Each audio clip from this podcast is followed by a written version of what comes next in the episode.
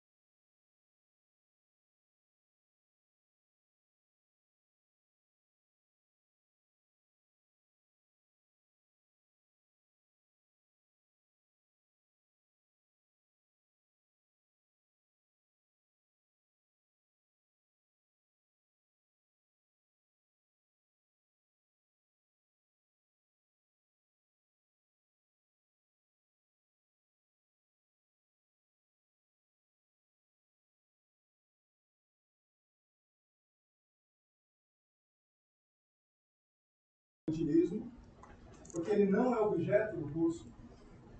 Vou abrir com algum detalhe a fisiocracia, porque não é objeto do curso e porque eu adoro, mas basicamente é porque eu gosto mesmo, né? É legal, quero as coisas mas, mas não tem, não é por isso, obviamente, né? Mas vou abrir a fisiocracia. O Smith está no plano de voo, fala alguma coisa do Carlos Marx, mas aí talvez já na quinta-feira. A aula de hoje eu consigo falar de mercantilismo, fisiocracia, que dá essa, um contorno melhor para isso. Aí eu puxo um pouquinho do Marx e pronto, aí fecha. Tá? Vou só puxar esses caras e como conteúdo mais detalhado. O resto está dentro plano de aula do curso. Vamos lá. A gente terminou a aula passada falando do George Stuart Mill numa transição sobre a natureza do lucro. A natureza do lucro era, talvez ainda seja, insondável para os autores do século XVIII e XIX.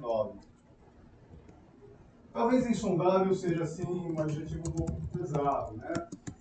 O Carlos Marx tinha uma ideia da natureza do lucro, que era a ideia da expropriação.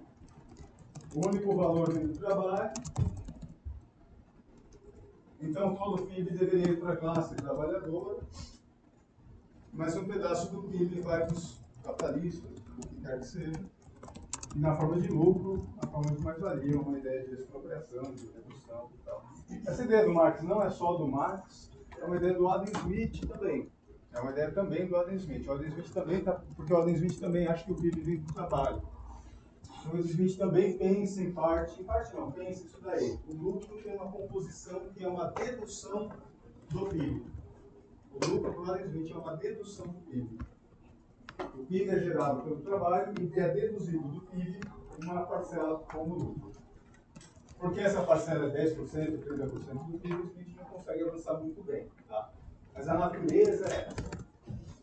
Aí nós vimos que o John Stuart Mill, que aqui está, ele é efetivamente um autor de transição, porque ele é simultaneamente um autor formado por Davi Ricardo, e Davi Ricardo é da matriz do trabalho, né, da teoria do trabalho, também gravando esse pacote que a gente tinha chamado de economia política clássica aqui em cima, Smith, Marx, Ricardo Malthus, entre outros, e também o John Stuart Mill como transição, mas ele é formado na economia clássica, valor do trabalho, lucro, expropriação, entre outros elementos que eu falarei mais à frente, mais à frente no curso. Mas, simultaneamente, ele também é formado pelo utilitarismo. Como eu mencionei, ele é filho do James Mill. James Mill é um filósofo britânico, sócio, por assim dizer, entendo-me bem, claro, né? Parceiro do Jeremy Bentham. O John Stuart Mill, cara, quando tinha 14 anos de idade, ele falava grego e latim e já tinha lido todos os clássicos da literatura romana. É esse o tipo de coisa que acontece. Depois, com 18 anos, entra numa depressão quase irresolvível. Né? É, vai demorar. Como eu falei pra você, aula de muito em casa e tal. Então, James Churchill, de fato, é assim, uma personagem importante do século XIX. Vocês leem PCE, vamos ver um pouquinho aqui, ele é um autor importante. Ele escreveu sobre, sobre tudo no melhor dos sentidos, não picareta, né? Escreveu sobre economia política, escreveu sobre liberdade, ele defendia o sufrágio universal, incluindo as mulheres. E, curiosamente, ele era socialista em algum sentido. Mas não era socialista marxista, era um outro tipo qualquer de socialismo que tinha na época e tal. Bom, John Stuart Mill, voltando ao HPE, é uma transição, porque ele é formado pela economia política clássica, com esses elementos de valor trabalho, redução do PIB como lucro, entre outros, mas simultaneamente ele é formado por uma perspectiva individualista, metodologia do né, individualismo metodológico. O indivíduo é o centro da reflexão. Ao passo que na economia política clássica, o centro da reflexão, ou um dos centros, é a classe social. Carlos Marx, o Manifesto do Partido Comunista. A luta, a história da humanidade, a luta de classes. Então, uma visão de classes sociais. Trabalhadores, capitalistas, pobres e tal. Isso era né, a pegada da economia política clássica. O John Stuart Mill está fazendo a transição. Talvez não seja o caso de falar de classes sociais, seja o caso de falar de indivíduos. Eu já estudo a economia, não é classe social, nada disso. Então, ele está nessa transição. Da classe social para o indivíduo, e o indivíduo é uma ideia do utilitarismo. O indivíduo é uma ideia do utilitarismo. Não só, não só, não só, mas o utilitarismo tem a ideia do indivíduo. Eu, indivíduo, busco o prazer frustrador. Não é classe social para isso, indivíduo. Então está nessa transição. Classe social para indivíduo, valor do trabalho para utilidade. Ainda que, ainda que, até entender isso não não existe no momento do John Stuart Mill a ideia de utilidade marginal. Não existe. A ideia do valor decrescente, conforme consome mesmo, velocidade do bem e tal. Mas existe a ideia de que o indivíduo é o centro que o indivíduo busca prazer. Isso para virar a teoria do valor demora um pouquinho. Mas esse, esse, essa semente está dada. O John Stuart Mill abre então a possibilidade de vir um tema com o qual trabalharemos, que é a Revolução Marginalista, que agora é um pouco de enxergo. Nós falaremos do Jevons, falaremos do Walhalla, do Walhalla. Do Menger não falaremos. Mas de todo modo, foco agora, vou falando, não vou escrever, vocês são alunos de parte, vocês vão anotando as coisas e tal. Ou não, não, eu sou liberal, faz o que quer, né? Menger não falarei. Mas Menger, German e tem uma coisa assim interessante que os três, simultaneamente, e sem frequentarem os mesmos lugares, sem frequentarem os mesmos seminários de economia, sem frequentarem os mesmos círculos culturais, quer que seja, recolocam uma ideia antiga dos mercantilistas até. Mas recolocam uma ideia de que o valor, isso é a notocorda deles, estrutura eles. O valor depende inteiramente da utilidade. E a utilidade é um elemento pessoal, individual, subjetivo. Os três, portanto, chegam a essa ideia que não é plenamente original, mas eles recolocam essa ideia de que o valor não vem do trabalho, do trabalho despendido. O valor vem da satisfação, da utilidade. E eles chegam a essa ideia simultaneamente, o que em história do pensamento econômico é a única coisa dessa natureza que acontece nos 300 anos de pensamento econômico, chegar a um conceito quase idêntico, por vias diferentes, no mesmo momento. Então, a notocorda da revolução marginalista, puxarei aqui, é a ideia do valor. Subjetivo, a ideia da utilidade, da satisfação. O que me satisfaz não satisfaz o Leonardo. O que satisfaz o Henrique não satisfaz a Amanda, etc. Vocês conhecem isso. São valores subjetivos. Tudo bem? Atenção. Só que agora tem uma lei psicológica também. Vai além do Bentham. O Bentham falou, procura prazer e foge da dor. Satisfação, prazer, dor, tudo bem, faz sentido. Está bem numa pegada do Bentham, né? Buscar prazer, satisfação, fugir da dor. Ok. Ok. Mas tem uma coisa psicológica agora que não tinha no Bentham, e não tinha no James Mill, e não tinha no John Stuart Mill.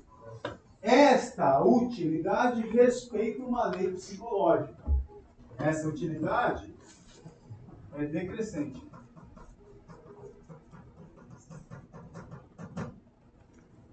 No consumo contínuo do mesmo bem.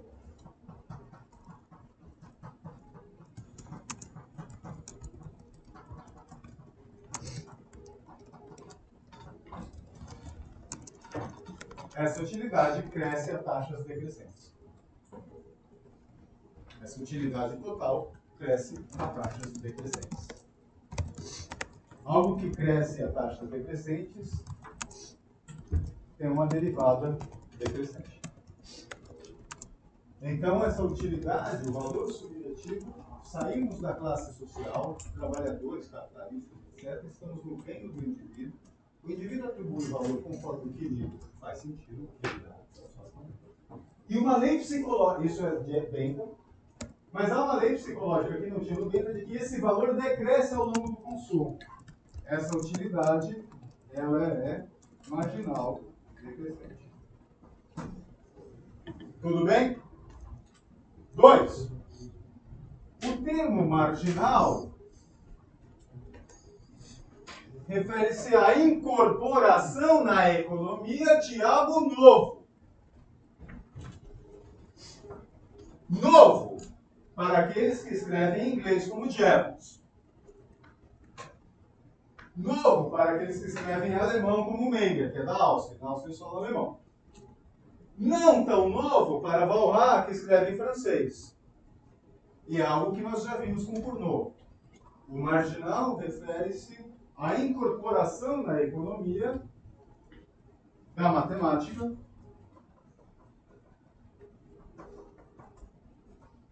Qual parte da matemática? Especificamente, o que vocês estudaram em cálculo 1? O limite da paciência de vocês, sim ou não? Era isso, né? Limites, limites, né? Limite, né? Derivadas, cálculo diferencial uma matemática específica do cálculo diferencial.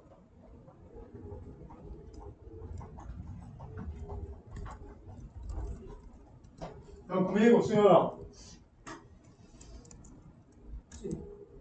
Fala aqui, alguma dúvida? Não. É, cálculo diferencial. Cournot era engenheiro. Jules Dupuy, que apareceu agora, mas ele também é um francês, usava cálculo diferencial, foi o primeiro a desenhar uma utilidade decrescente. Jules Dupuy era francês e engenheiro, 1842. Cournot e Dupuy usam cálculo diferencial. Se a gente sair daqui, for no prédio 2, em algum momento aí, nós vamos ver que os engenheiros, as engenheiras estão tendo uma, uma disciplina de matemática. Sabe como chama? Os engenheiros. Matemática da diferença cálculo diferencial.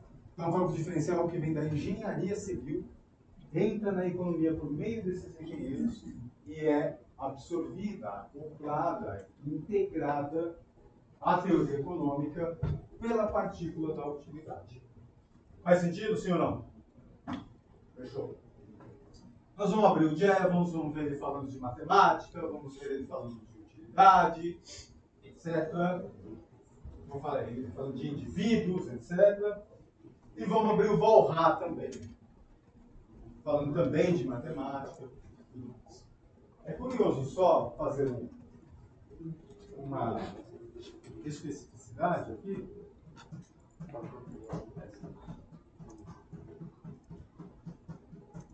Que a escola austríaca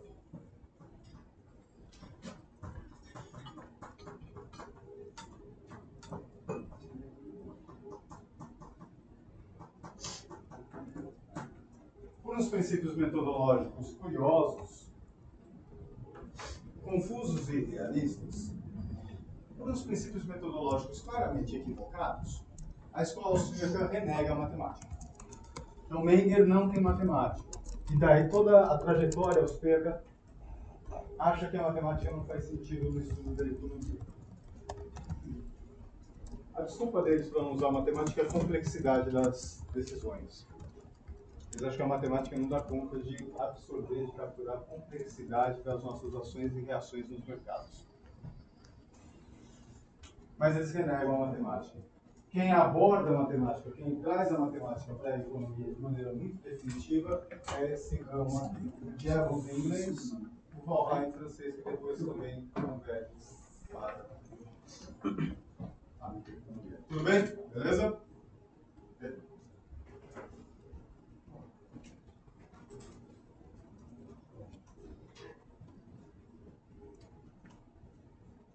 Jevons em língua inglesa, chegamos no Marshall com esse termo aqui, síntese, atenção agora, neoclássico.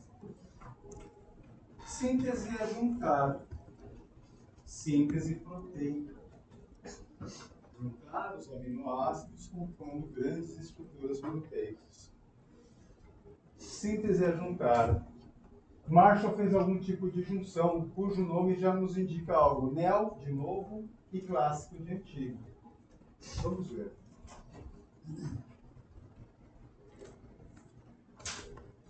Esse neo, de novo, que o Alfred Marshall faz, refere-se ao marginalismo.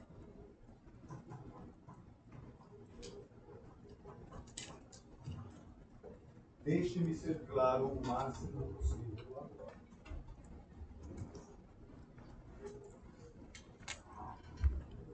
Se eu falo para vocês que o valor depende da satisfação de cada indivíduo, que o valor do giz, do estacionamento, da aula de HPE, do quilowatt-hora, do café, depende da satisfação que o indivíduo retira do consumo desses bens e serviços, pergunta-lhes às 8 e 12 da manhã. Então, o valor, o fenômeno do valor, que ele parece está mais associado com a demanda individual ou com a oferta da firma? O que vocês acham? Demanda individual, sim ou não? É? Demanda. Indivíduo comprando café, demanda, certo? A ideia de que o valor tem uma, um né, um, o, o, valor é um fenômeno atribuído a algo à demanda, marginalismo, valor derivado da demanda individual. Essa é a ideia do Jevons, do Valhalla, do Menger. Essa ideia é nova. Porque até então, foco agora. Valor, valor trabalho, Smith, Karl Marx, Ricardo, aí eu pergunto-lhes agora de novo. Valor trabalho, despender trabalho para produzir algo, que lhes parece está mais ligado com a oferta ou com a demanda? Oferta. Oferta. Trabalho, custo de produção, oferta. Né? Meu trabalho fazer isso. Meu trabalho fazer o trabalho de econometria, etc. Tal. Mais ligado com a oferta. Então, os clássicos na lousa 1 tem um, né, o fenômeno do valor está mais ligado na oferta. E fazia sentido historicamente. Produção industrial, produzir, reduzir o custo menor, divisão do trabalho, produtividade. Então fazia sentido pensar. O valor vem das condições de oferta, de produção, dos custos, trabalho. Jevons começa a pensar, não, não, não. Esse negócio de trabalho criar valor, ponto um, dá mais valia, fodeu. Dá mais valia. O negócio de valor é estranho. Esse negócio do trabalho criar valor me leva a um negócio de classe social, classe trabalhadora, classe petroleira. Isso aí é um objeto de estudo que não existe. Classe, porra é essa? É um negócio assim, é valor é subjetivo e, portanto, é do indivíduo. Individualismo metodológico, valor subjetivo, coloca matemática, etc. Então a ideia é de que o valor vem da demanda. Isso é novo. Mas o Marshall pensou o seguinte: puta merda. Se eu tiver só uma curva de demanda no gráfico, determina o preço de mercado? Não. Aí o Marshall entendeu corretamente, a demanda é importante. Eu estou dentro disso, eu concordo com isso, Marshall. Né? Tanto que é a demanda marshaliana. Concordo com isso, concordo que a demanda é um fundamento do valor, em que o valor é subjetivo, etc. Essas coisas que eu já falei 15 vezes. Mas, contudo, porém, entretanto, compreendo eu, Alfred Marshall, que custos também constituem o valor das mercadorias. Custos também constituem. Mas, mas não, continuando, e, né, somando. E custo é um tema da economia clássica. Então nós temos que fazer a síntese, a junção de que o valor é determinado pela demanda, com todos esses processos subjetivos, tanto quanto determinado por um elemento clássico, que o Jevons overlooked, passou por cima, que é a ideia de custos. Comigo, custos estes que, claro, a ideia de custo como substantivo, como substância, clássicos. Mas não vamos pensar os custos em geral. Vamos pegar essa ideia clássica dos custos de produção como determinantes do valor e vamos acoplar essa ideia com o marginalismo. Custos ou custo marginal. Então, custos tem que assumir a forma marginal. De fato, é Marshall que fez toda aquela teoria de custos. Custo total, que é o fixo e o variável, custo médio, custo variável médio, custo marginal. De fato, numa firma competitiva, a curva de oferta acima é a curva de custo marginal, acima do custo médio. A curva de oferta é uma curva de custo clássicos, mas custo marginal. Opa, marginalismo. Marshall, fazer essa síntese da ideia do valor-utilidade como marginalismo, trazendo essa, né, a ideia de custos como determinante dos valores, acoplado ao marginalismo. Custo dos clássicos, marginalismo é elemento novo. Faz o que a gente chama de tesoura marshalliana. Notadamente, só rabiscando, depois eu apago,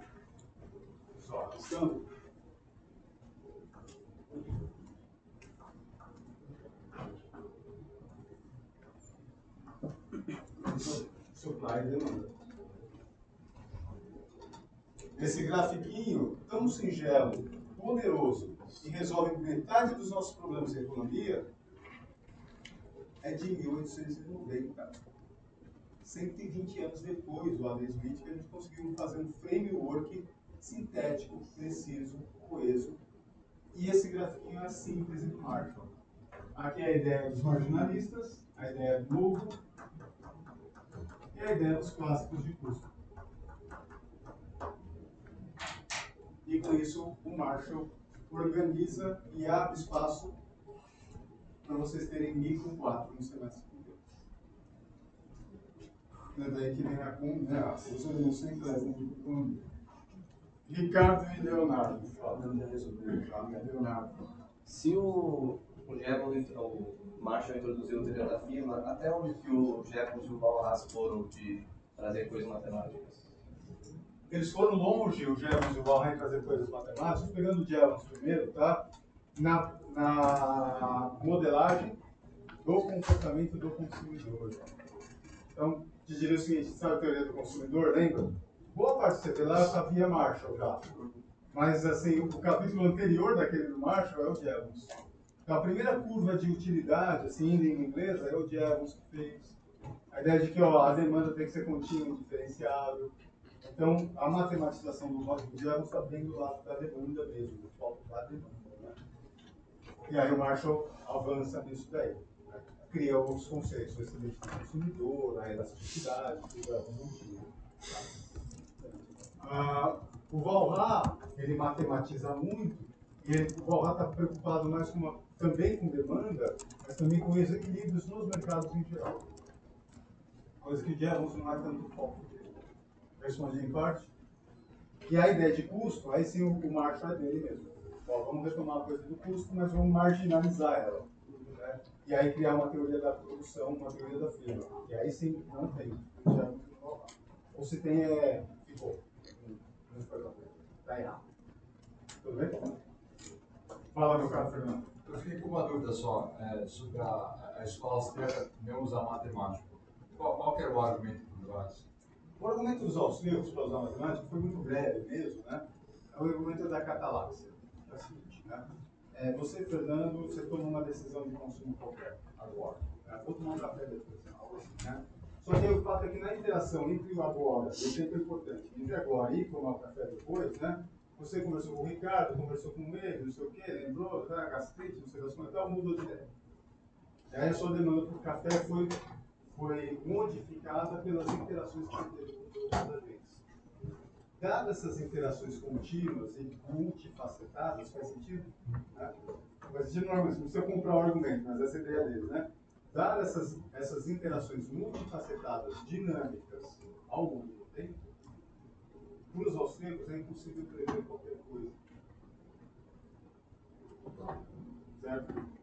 E a impossibilidade de prever qualquer coisa significa que os eventos são incertos e não probabilísticos. Probabilidade você fala, ó, dá 10% de chance de dar merda, sim ou não? Então por aí, né? Eu sei para onde vai essa.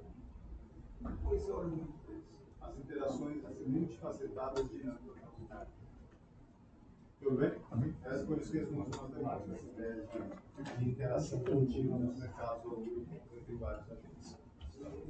Como é importante para a nossa argumentação, digamos, na prova ou na, na TS, é o conhecimento sistêmico, mas imagina a ordenação de cada um desses nomes, ou se é mais importante articular em geral, essa ideia de forma coerente, por exemplo, lá, não misturar da escola austríaca com Keynes.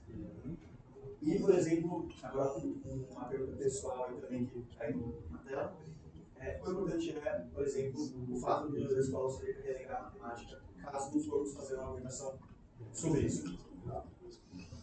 Deixa eu ver a primeira questão de natureza mais de prova e tal. Na prova, talvez você, né, vai ser convidado e convidados a fazer uma articulação, uma comparação, seja de contraste de continuidade, por exemplo, por exemplo tá? entre Valhalla e Aristóteles. Nós vamos ver, eu falei que o GHP tem uma pegada de metodologia. A gente tem uma forma de ver a economia dessa forma. O fenômeno, o objeto econômico, responde a tal forma de ver. Né? Valhalla também tem uma visão. Compara os dois. Então a gente tem que ter sobre tudo isso, mas a prova não necessariamente vai ser a mudança do sistema como um todo, a interação entre economistas. Não, não vai ser uma mudança de forma alguma. São 2.500 caracteres a prova. Aí a gente vai pontuar. Sei lá, prova final. Compare a política monetária defendida pelo Friedman com aquela defendida pelo Keynes em original. Compare os contextos históricos e os elementos analíticos, algo nesse sentido. Vamos pensar uma coisa. E o Cox entrando? O Paulo Cox entra nos tanques de guerra por aí, não? Mas a segunda questão que era dos austríacos? É, dos austríacos e principalmente sobre a organização, sobre a desenvolvimento. Não, eu acho que eu só mencionei. Só mencionei para a gente saber, vocês. Eu gosto dos eu acho eles legais eles têm os seus inimigos, mas acho pouco aplicado né? Galera, só para fechar, a gente segue o café, só para fechar, a gente segue o café. O Malthus é aquela coisa que foi da demanda efetiva, o Malthus compreende que pode haver uma falha no fluxo circular da renda, que a demanda pode não se realizar, a demanda pode não se realizar na, na aquisição de toda a produção, uma insuficiência essa é uma das ideias que o Keynes retira do Malthus também. E claro, vai ter aula do Keynes. Smith tem duas aulas programadas para ele, o Keynes tem quatro. O Keynes tem quatro. Então vamos falar um tanto do Keynes. E do Keynes, galera, sai um troço que chama Keynesianismo.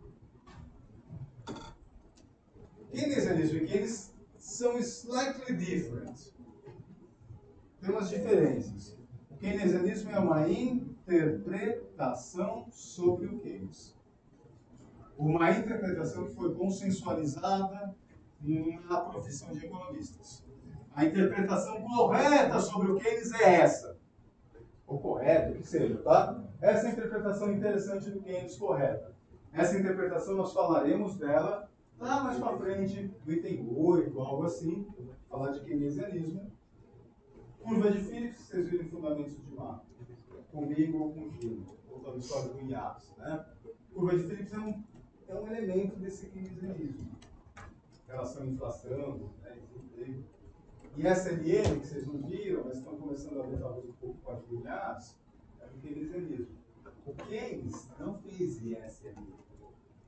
O Keynes não falou depois do Keynes. Mas o que ele produz deu margem para abrir o sistema teórico dele e incorporar esses elementos.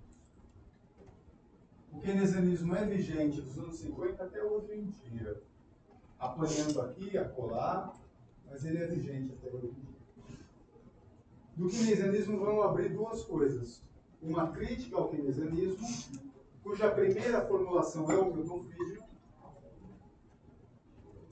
e eu não avanço nos detalhes técnicos, isso é objeto nosso lá no curso. E do Milton Friedman tem os autores que se chamam novos clássicos.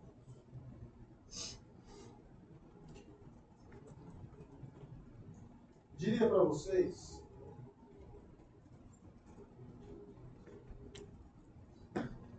que se um determinado grupo de economistas brasileiros e brasileiras tivesse lido isso um pouco melhor, nós não estaríamos estressados com a porcaria da meta de inflação hoje à tarde, não. É isso. Porque Friedman e novos clássicos são defensores da autonomia da política monetária. Da autonomia. Né, da política do Banco Central, etc. E são defensores bons, têm argumentos bons. Então eles defendem Friedman em primeiro lugar, depois novos clássicos também reforçam isso deve haver autonomia, independência autonomia. A condução da política monetária deve ser uma condução de Estado e não de governo. Esse é um pacote teórico importante dos anos 90, 80. E desse pacote teórico sai um negócio que chama regime de metas para a inflação. E que no Brasil, nos 22 anos de regime de metas, a meta ficou fora das bancas três vezes. Funciona o regime funciona. Funciona no Brasil, na Colômbia, na Polônia, no México, Chile e na Nova Zelândia, onde absolutamente tudo funciona. Assim, ele não vai falar, né? É, qualquer coisa funciona na Nova. Mas funciona para os países em desenvolvimento que os métodos organizam a inflação. Então, eu acho muito ruim esse debate contemporâneo. Né? Não está quebrando os métodos, mas está querendo né, parametrizar ali para ficar uma coisa que eu acho que não é o caso. Mas voltando aqui. E do outro lado, os novos keynesianos, não vou entrar na tecnicidade também, mas que vão entrar em debate forte com os novos clássicos diz respeito ao papel da moeda. Né? Ao papel da moeda. É um tema em aberto mesmo, em economia, quais são as funções da moeda. As funções não, né? Quais são os, os, os desdobramentos que a moeda gera na economia digital. Meu caro Guilherme. É, nessa parte do. quando vem a crítica e a continuidade do keynesianismo. Uhum. É, é uma crítica de modo de ação, se eu entendi direito, porque, por exemplo, a gente usa métodos de equação, que vem da crítica, né? e só que a gente continua usando o ISLM, que é da continuidade. Só que o Krugman, por exemplo, ele vai defender um certo intervencionismo e o Friedman acredito que muito menos. Então é uma questão de como fazer, não o que fazer. Acho que a questão é legal. Aqui essa coisa da crítica acabou saindo por um, dar um consenso, consenso em economia, uma coisa que vocês levantaram, então, é sempre um negócio assim, né? Em toda a ciência não é fonástico, assim, né? O consenso de economia é mais fraco ainda, mas há algum tipo de consenso sobre isso que eu falei da, da autonomia da política monetária, a política monetária ser tocada sem pressões eleitorais, no centro eleitoral. Acho que é, uma, é um consenso que inclui novos keynesianos. Acho que Acho dificilmente um que eu falaria que o mesmo de Fezes é ou Krugman também. Tá? O que podem discutir com os nossos clássicos é o, né, o papel que a moeda tem na economia, se ela estabiliza ou desestabiliza a economia, coisas mais teóricas. De outro lado, os nossos keynesianos, claramente, ah, deixa eu adicionar algo. Sabe quem era um cara que era absolutamente cético com relação à política monetária e achava que a política monetária não deveria ser usada? Keynes. Você pega o Keynes original, de 36, ele fala assim, faz política monetária, faz. Primeiro, não dá certo. Tem, tem questões técnicas lá, né? Tá. Mas segundo, que quando der certo, em T mais um, vai ter inflação. Quem fala isso? Né? Faz expansão de moeda, você expande moeda, tem que ver se os juros subiram ou não subiram, demanda por moeda, os juros caíram, né? Não, os juros podem cair. E mesmo se os juros caírem, o investimento pode subir. Mas mesmo se o investimento subir, porque os juros caírem,